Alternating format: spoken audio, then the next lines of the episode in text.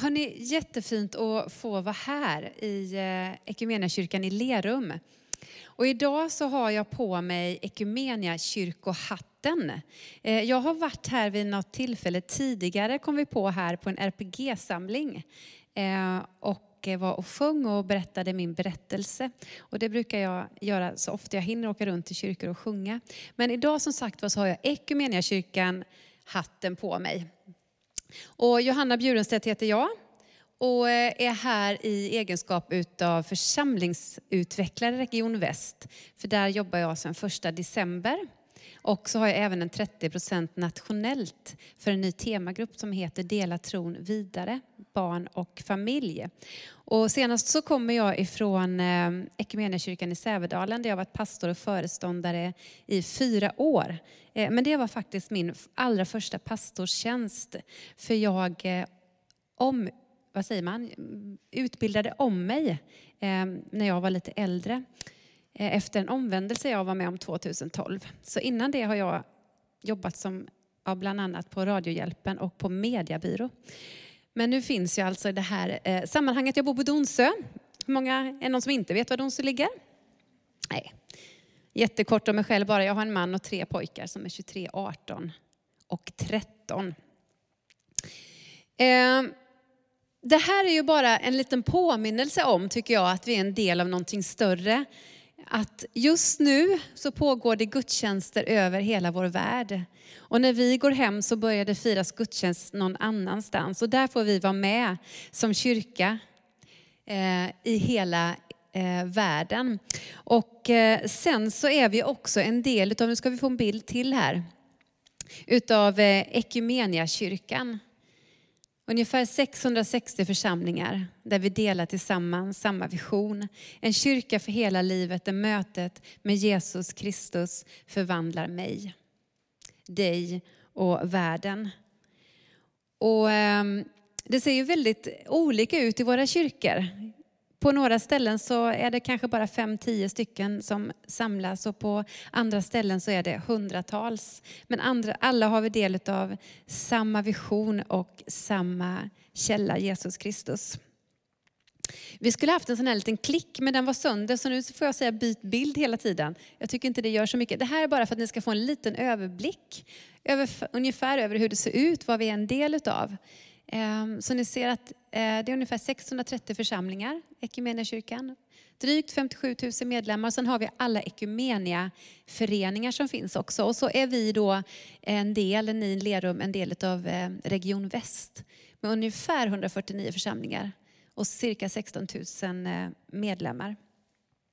Medlemsstatistik är ju som ni vet ganska så trubbigt. Det säger egentligen ingenting om hur många människor som vi möter i våra kyrkor. Eh, och det säger inte heller någonting om församlingens egentliga liv. Men bara för att få liksom en liten indikation på hur det faktiskt ser ut. Och så bara en liten kort bild igen. Det kan vara bara kul att se, eller inte kul, jag vet inte, det beror på hur man ser det. 77 församlingar har färre än 10 medlemmar. Och 198 församlingar har 100 eller fler och 70 församlingar har 200 eller fler. Hur många medlemmar är ni här?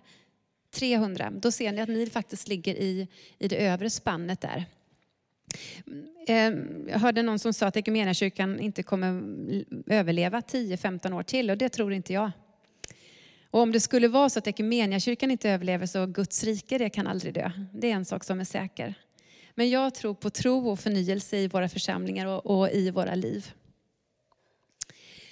Eh, så kan vi byta bild igen. Och då, det här är lite spännande. Ja, nu ser jag att det diffar lite på hur det blir när vi lyfter upp det här. Men, eh, Equmeniakyrkans fokusområden. Nu är jag ju lite nyfiken här då. Hur många vet om att vi i Equmeniakyrkan har fokusområden? Det här är, ska jag säga att det är roligt? Jag vet inte. Men det är spännande. Så det ordet kan man använda. Det är spännande. Det är alltså det här vi som kyrka har valt att vi ska jobba med 2023-2024. Dela tron vidare till nästa generation. Barn och familj och unga vuxna. Och så är det nya och växande församlingar, klimat och hållbarhet och heliga vanor. Och då var det någon, jag var i Djurhalla förra, förra helgen och det var någon som frågade ner från kyrkbanken, inte banken, kyrkbänken. Vad är heliga vanor? Ja, men det har ju med vår egen personliga relation till Jesus att göra. Det är hur vi lever vår tro. helt enkelt.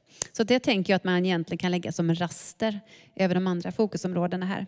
Och om vi då klickar oss vidare så ser vi att vi i Region Väst, vi jobbar väldigt tydligt med de här tre eh, fokusområdena. Dela tron vidare till nästa generation, barn och familj.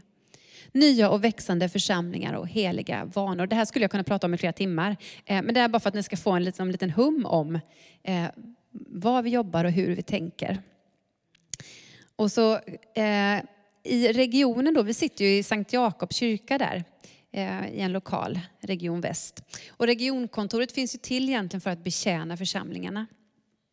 Och det är där jag har min utgångspunkt, men jag reser runt ganska mycket eh, och möter församlingar på olika sätt. Och idag så ska jag få möta er styrelse och titta på er verksamhetsplan bland annat tillsammans med dem. Och det ser jag jättemycket fram emot. Och så klickar vi ett litet steg till, för här vill jag bara kort stanna upp. Det här är ju då Dela tron vidare till nästa generation, temagrupp barn och familj.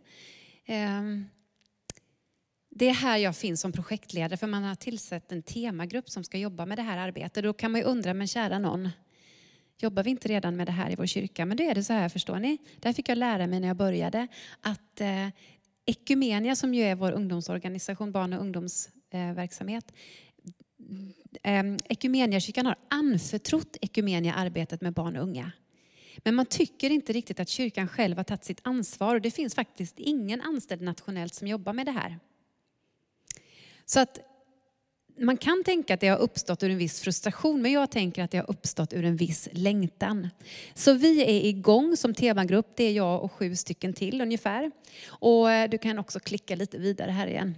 Det finns ju hur mycket bra saker som görs redan idag i alla våra församlingar. Eh, och vi tänker så här att vi kan göra upp metoder och strategier och verksamheter i det oändliga. Men om vi inte är närvarande i barnen och de ungas liv så finns det en risk att det vi gör förlorar sin kraft. Så närvaro, tillit och delaktighet, det är det vi har som våra ledord. Och närvaro kan ju vara det allra, allra svåraste men också det allra enklaste. Ibland så möter jag församlingar som säger, vi har inga barn och unga. Vad ska vi göra? Och då säger jag, men blicka utåt, visst har ni barn och unga? Och sen handlar det faktiskt om att vara närvarande i de vi möter. Det handlar inte om kvantitet utan om kvalitet. Så det är bara jättelite kort, så ni bara får en liten så här, kanske ni har fått en liten hum om eh, regionen, Equmeniakyrkan och en liten kort presentation av mig själv. Men som sagt, jag är väldigt glad över här och jag blev glad när jag såg kören. Jag insåg att jag ingår i dresskoden idag, utan då brallorna som ju var svarta. Hade jag vetat att det skulle vara ljusa byxor så hade jag självklart tagit mina eh, ljusa byxor på mig. Så.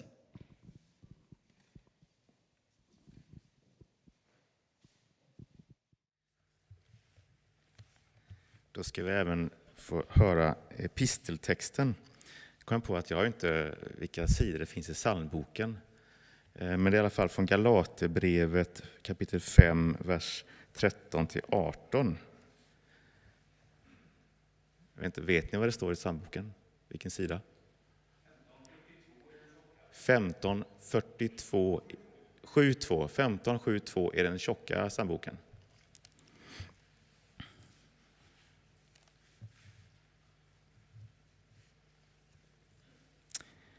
Ni är ju kallade till frihet, bröder. Låt bara inte den friheten ge köttet något tillfälle, utan tjäna varandra i kärlek.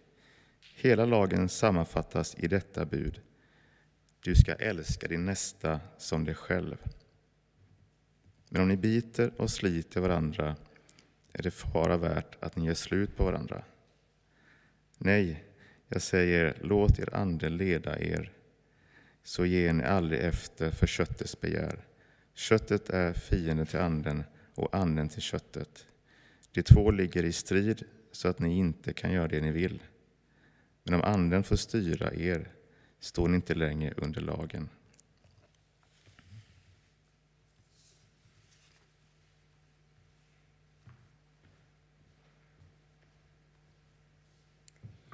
Ja, nu står jag här bakom helt plötsligt. Det var för att det var mest praktiskt. Eh, ska jag ha pallen? Nej, jag vet inte. Vad tycker ni? Ska jag ha en pall? Eller ser ni mig? Ja, det låter bra. Eh, jag tänkte innan jag fortsätter, innan vi kommer till predikan, så när jag läste er verksamhetsplan så står det ju faktiskt så här att ni, eh, ni vill se individen och mötas i alla åldrar och livssituationer. Och det tänker jag rimmar väl med, den, eh, ja, med de fokusområdena som vi har i kyrkan. Att se individen och mötas i alla åldrar och livssituationer, det är en fin grund att stå på. Predikan idag. Jag pratade med Thomas lite för några veckor sedan när vi skulle planera. Jag sa, jag vet inte om jag vill predika över temat att växa i tro. Kan jag inte få predika mer, att dela tron vidare? Och vet ni, det här kommer att bli en sån här liten predikan som är både en predikan, men också ett delande utav min, mitt vittnesbörd. Eh, min personliga berättelse. Och eh, det tror jag är viktigt när vi möts, att vi delar våra berättelser med varandra. Kanske du känner igen dig i någonting av det jag berättar, eller så gör du inte det. Men jag tror att du kanske kan identifiera dig med någonting. Jag vet inte vad du tänker när du hör dagens tema att växa i tro. Jag bråkar ju lite då med det här temat. Man kan i och för sig leka med orden och plocka isär dem. Och gå till grundtexten i Bibeln där vi ju ser att Tro är detsamma som tillit.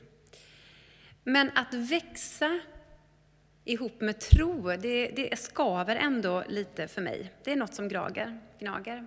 Och så tänker jag att eh, det är så mycket i vår värld som växer nu som inte är utav godo.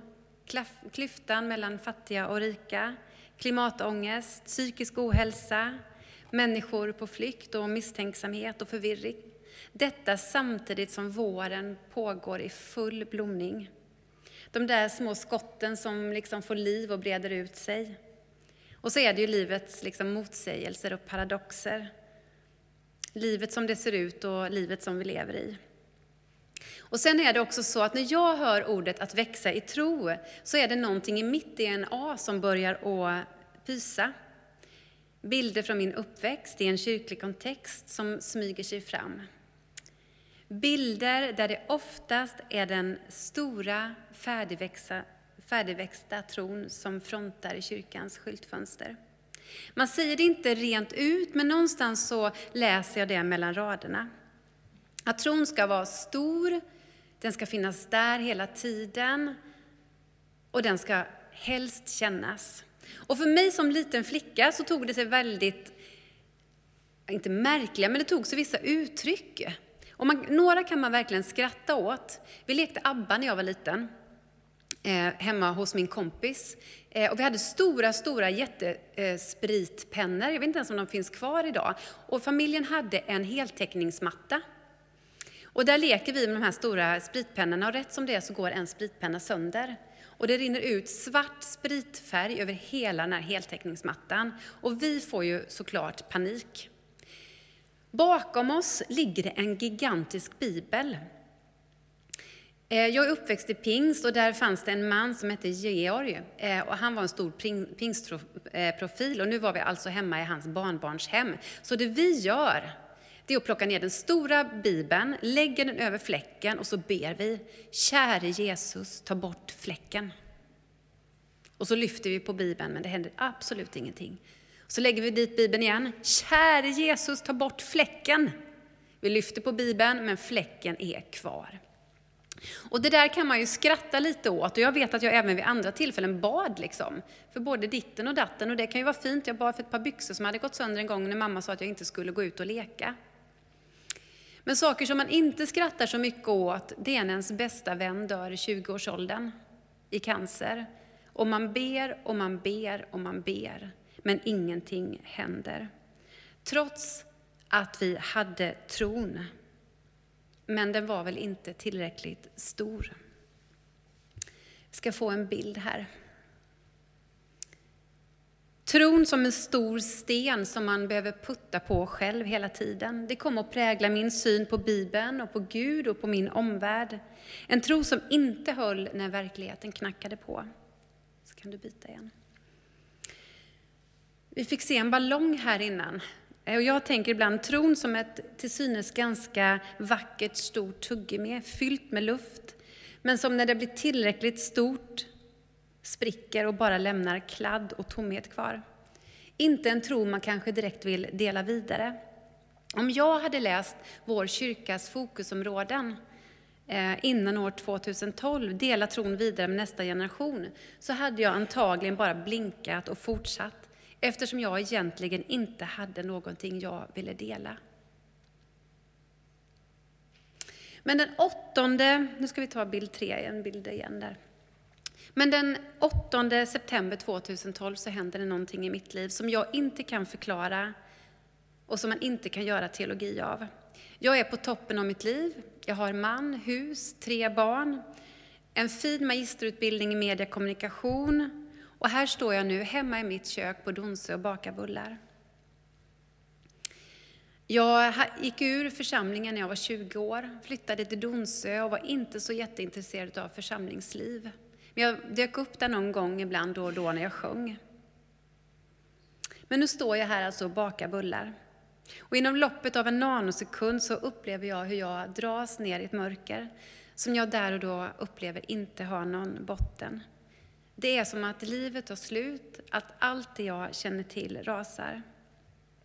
Och det här mörkret försvinner inte, och inte känslan i min kropp som jag först då tror är panikångest, en känsla som jag är välbekant med.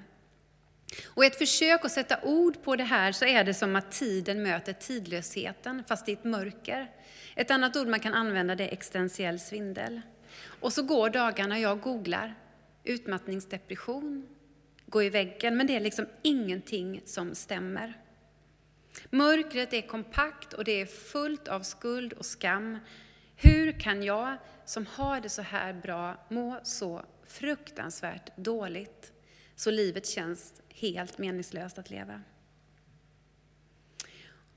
Dagarna går och jag fortsätter jobba. Det är inte så att jag drar täcket över huvudet, men det är ett kompakt mörker. I min bokhylla så hittar jag en bok.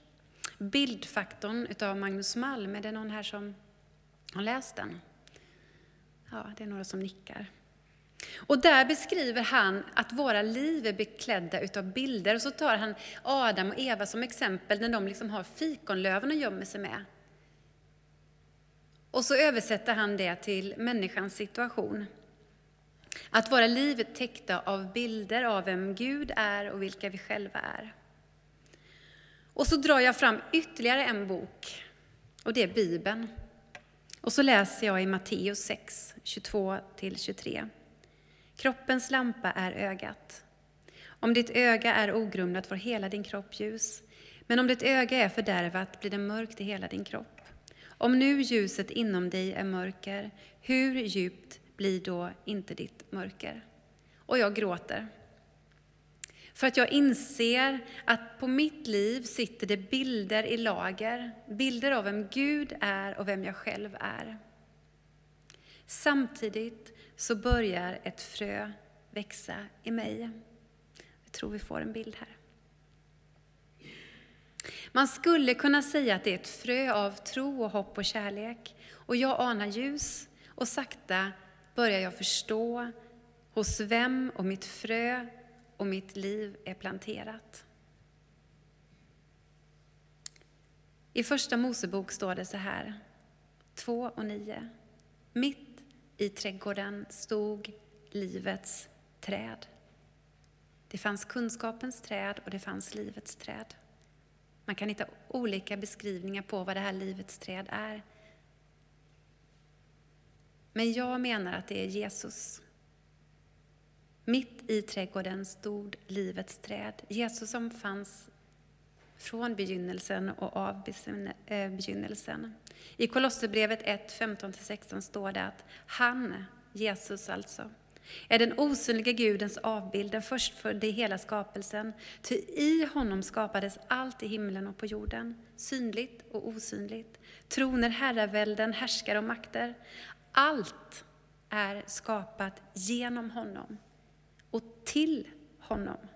Han finns före allting. Och allting hålls samman i honom.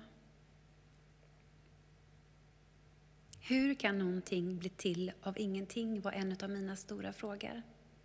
Det kan vi inte förstå och greppa. Men någonstans landar det i att det finns någon som finns före allting. Och allting hålls samman i honom, Jesus. Jag vet inte hur det är med dig, men ibland så tappar jag bort mig och glömmer av orsaken till mitt liv. Att det finns någon som allt hålls samman i och som älskat oss först. Jesus. Jesus som ju är den som bär upp tron. Allt ryms i honom. En kyrka för hela livet där mötet med Jesus Kristus förvandlar mig, dig och världen. Mig och dig. Vem är det som har möjligheten att förvandla och förnya våra liv? Jag märker ibland en viss vilsenhet av att vi har glömt av vem Jesus är. Och jag funderar på ibland om vi har bilder som skymmer Gud och Jesus och som vi inte har plockat av, som inte vi har gett möjlighet att ta bort. En liten påminnelse ska ni få om vem det är vi har att göra med. Det är från Lukas 19.58. Ni som är vana kyrkobesökare eller har läst Bibeln, ni kommer verkligen känna igen den här berättelsen. När Jesus kom dit såg han upp mot honom och sa, skynda dig ner Sackaios, idag ska jag gästa ditt hem. Sackaios skyndade sig ner och tog emot honom med glädje. Alla som såg det mumlade förargat, han har tagit in hos en syndare. Men Sackaios ställde sig upp och sa till Herren, hälften av vad jag äger, Herre, ska jag ge åt de fattiga. Och har jag pressat ut pengar och någon ska betala igen det fyrdubbelt. Vad är det som händer här egentligen? Ja, men Jesus går ju med Sackaios hela vägen hem, hem till sig själv idag. Mitt i det liv som är hans. Han säger inte, gå hem och städa upp och sen är jag intresserad av att flytta in hos dig. Jesus möter inte en människa för att hon ska fly bort från sin situation eller sig själv, utan för att hon ska få en möjlighet att ta itu med sin situation och sitt liv tillsammans med honom. Jesus som vill möta oss i sanningen. Jesus som själv är sanningen. Nu blir det en liten tankeloop här. Sanning, om man tittar på det hebreiska ordet så betyder faktiskt det verklig. Inte sanning som något flytande och som man har eller inte har, så som vi ofta definierar sanningen idag. Alltså sanningen och verkligheten som vill möta vår sanning och verklighet. Och i allt detta får vårt frö och vår fulla längd plats samtidigt, vår tro och vårt tvivel. Och den som leder oss in i sanningen om oss själva och om Gud, om varandra, det är Anden. Det är Anden som är grunden för hjärtats förvandling, som öppnar upp vårt inre öga och som gör att vi kan se det som inte går att se med vårt fysiska öga. Anden som rör vid våra hjärtan, vårt samvete och våra värderingar och som får konsekvenser för våra liv. Jesus möter ju Nikodemus i Johannes evangeliet. Och om man tittar i en översättning så säger han till Nikodemus, för Nikodemus vill veta hur man ska få evigt liv. Och då säger Jesus ungefär så här, att anden gör så att det osynliga ändrar det synliga. Alltså, det vi inte kan se med våra fysiska ögon kommer ner och förändrar vår inre blick. Och jag kan inte på något annat sätt förklara det som händer i mitt liv.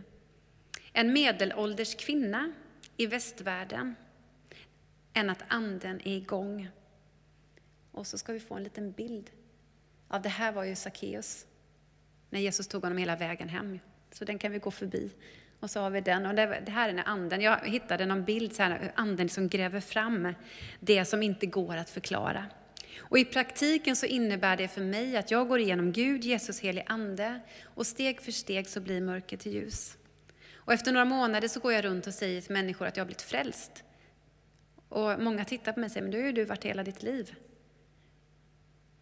Men jag hade inget annat ord att ta till, för vad ska man använda för ord när hela ens liv har bytt riktning? Och ibland så tänker jag också att vi behöver återerövra de där orden som kan låta gamla och, och liksom lite mossiga. Jag säger upp mig från mitt jobb och börjar läsa teologi och börjar skriva musik. Och är där jag är idag. I en bok som C.S. Lewis har skrivit som heter Anteckningar under dagar av sorg så beskriver eh, C.S. Lewis Gud som den store bildkrossaren. Och så säger han att Gud ibland själv behöver bryta sönder bilden av sig för att någonting nytt ska uppstå. Och för mig var det så. Men samtidigt så ska man vara väldigt försiktig med att hitta förklaringar på allting och göra teologi utav mörker. För ibland så är det faktiskt bara mörkt. Även i mitt liv.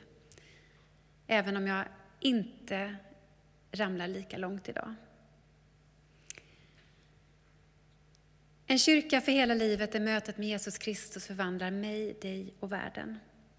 I livet med Jesus så lever vi som sändare och mottagare samtidigt. Och i Apostlagärningarna säger Jesus att som Fadern har sänt mig så sänder jag er. Ta emot helig ande. Och ni ska få kraft när heliga ande kommer över er och ni ska vittna om mig. Och vittna om mig, det kan ju låta lite högtravande. Men det är ju egentligen att ge ett återsken av Jesu liv. I vårt samhälle och för varandra och andra. Vi kan ta fram den bilden.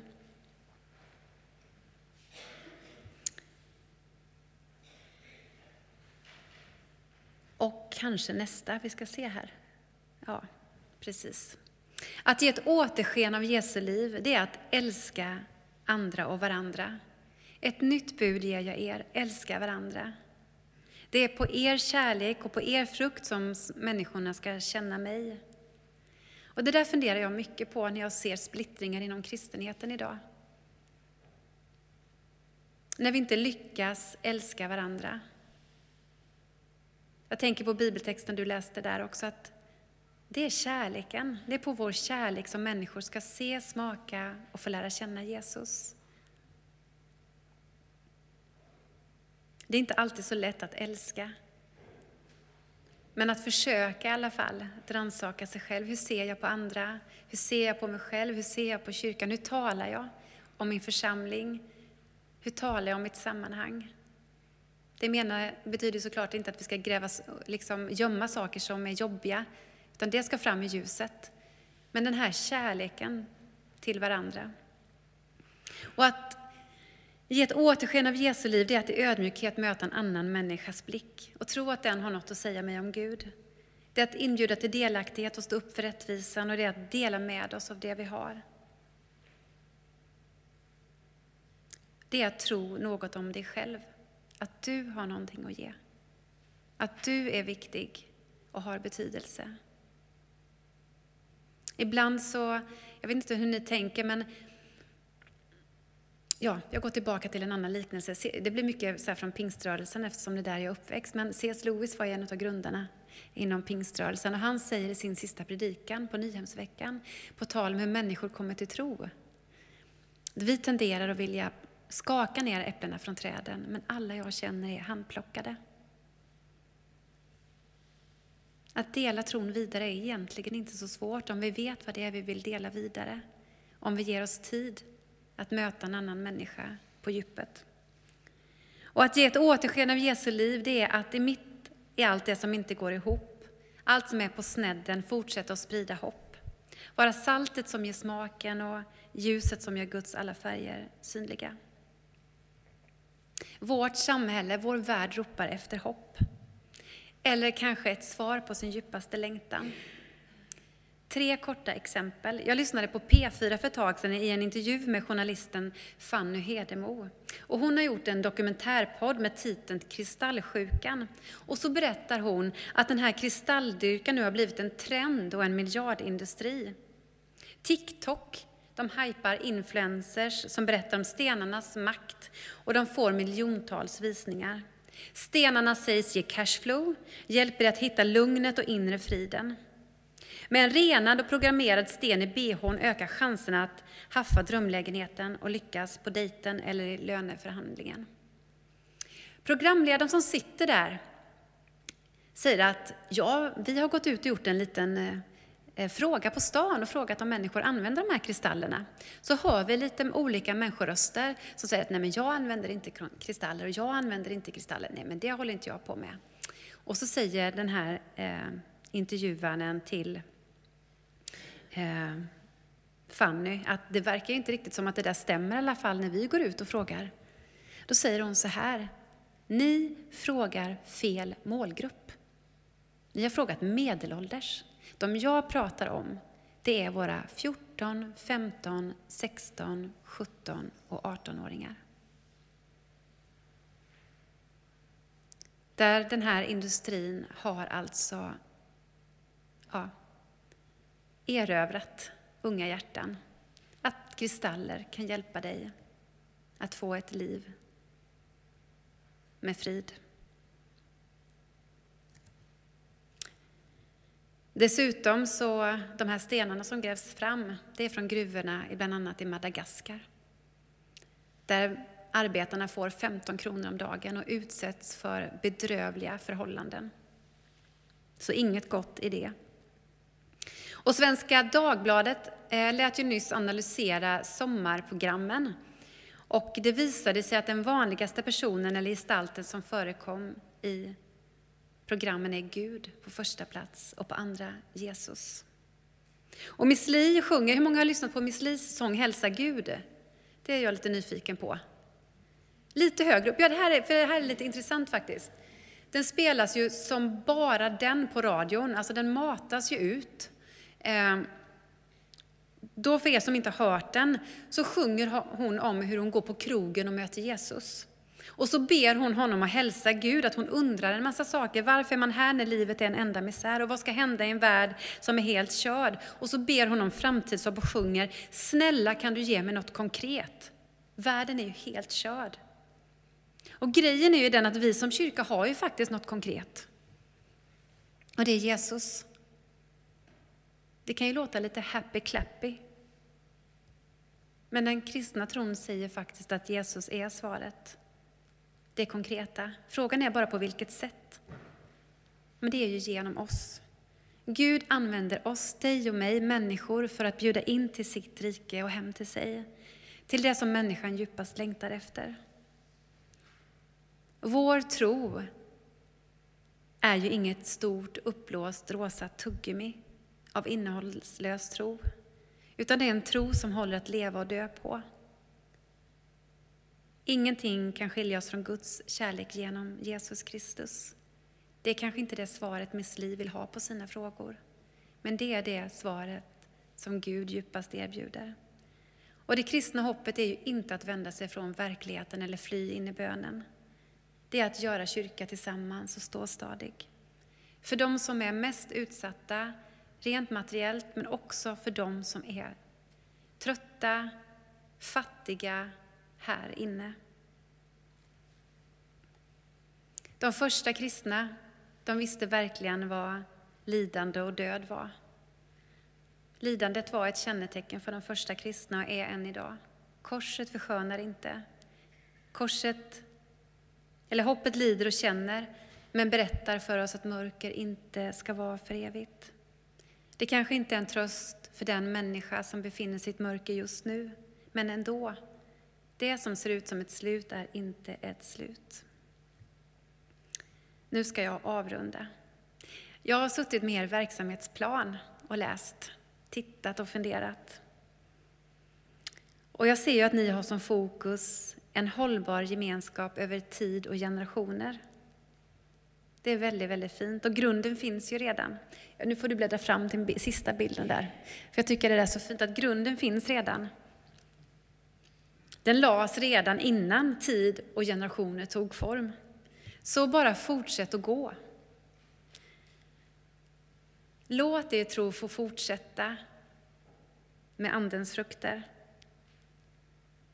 I tillit, kärlek, tålamod, glädje, frid, vänlighet, godhet, trohet, mildhet och självbehärskning.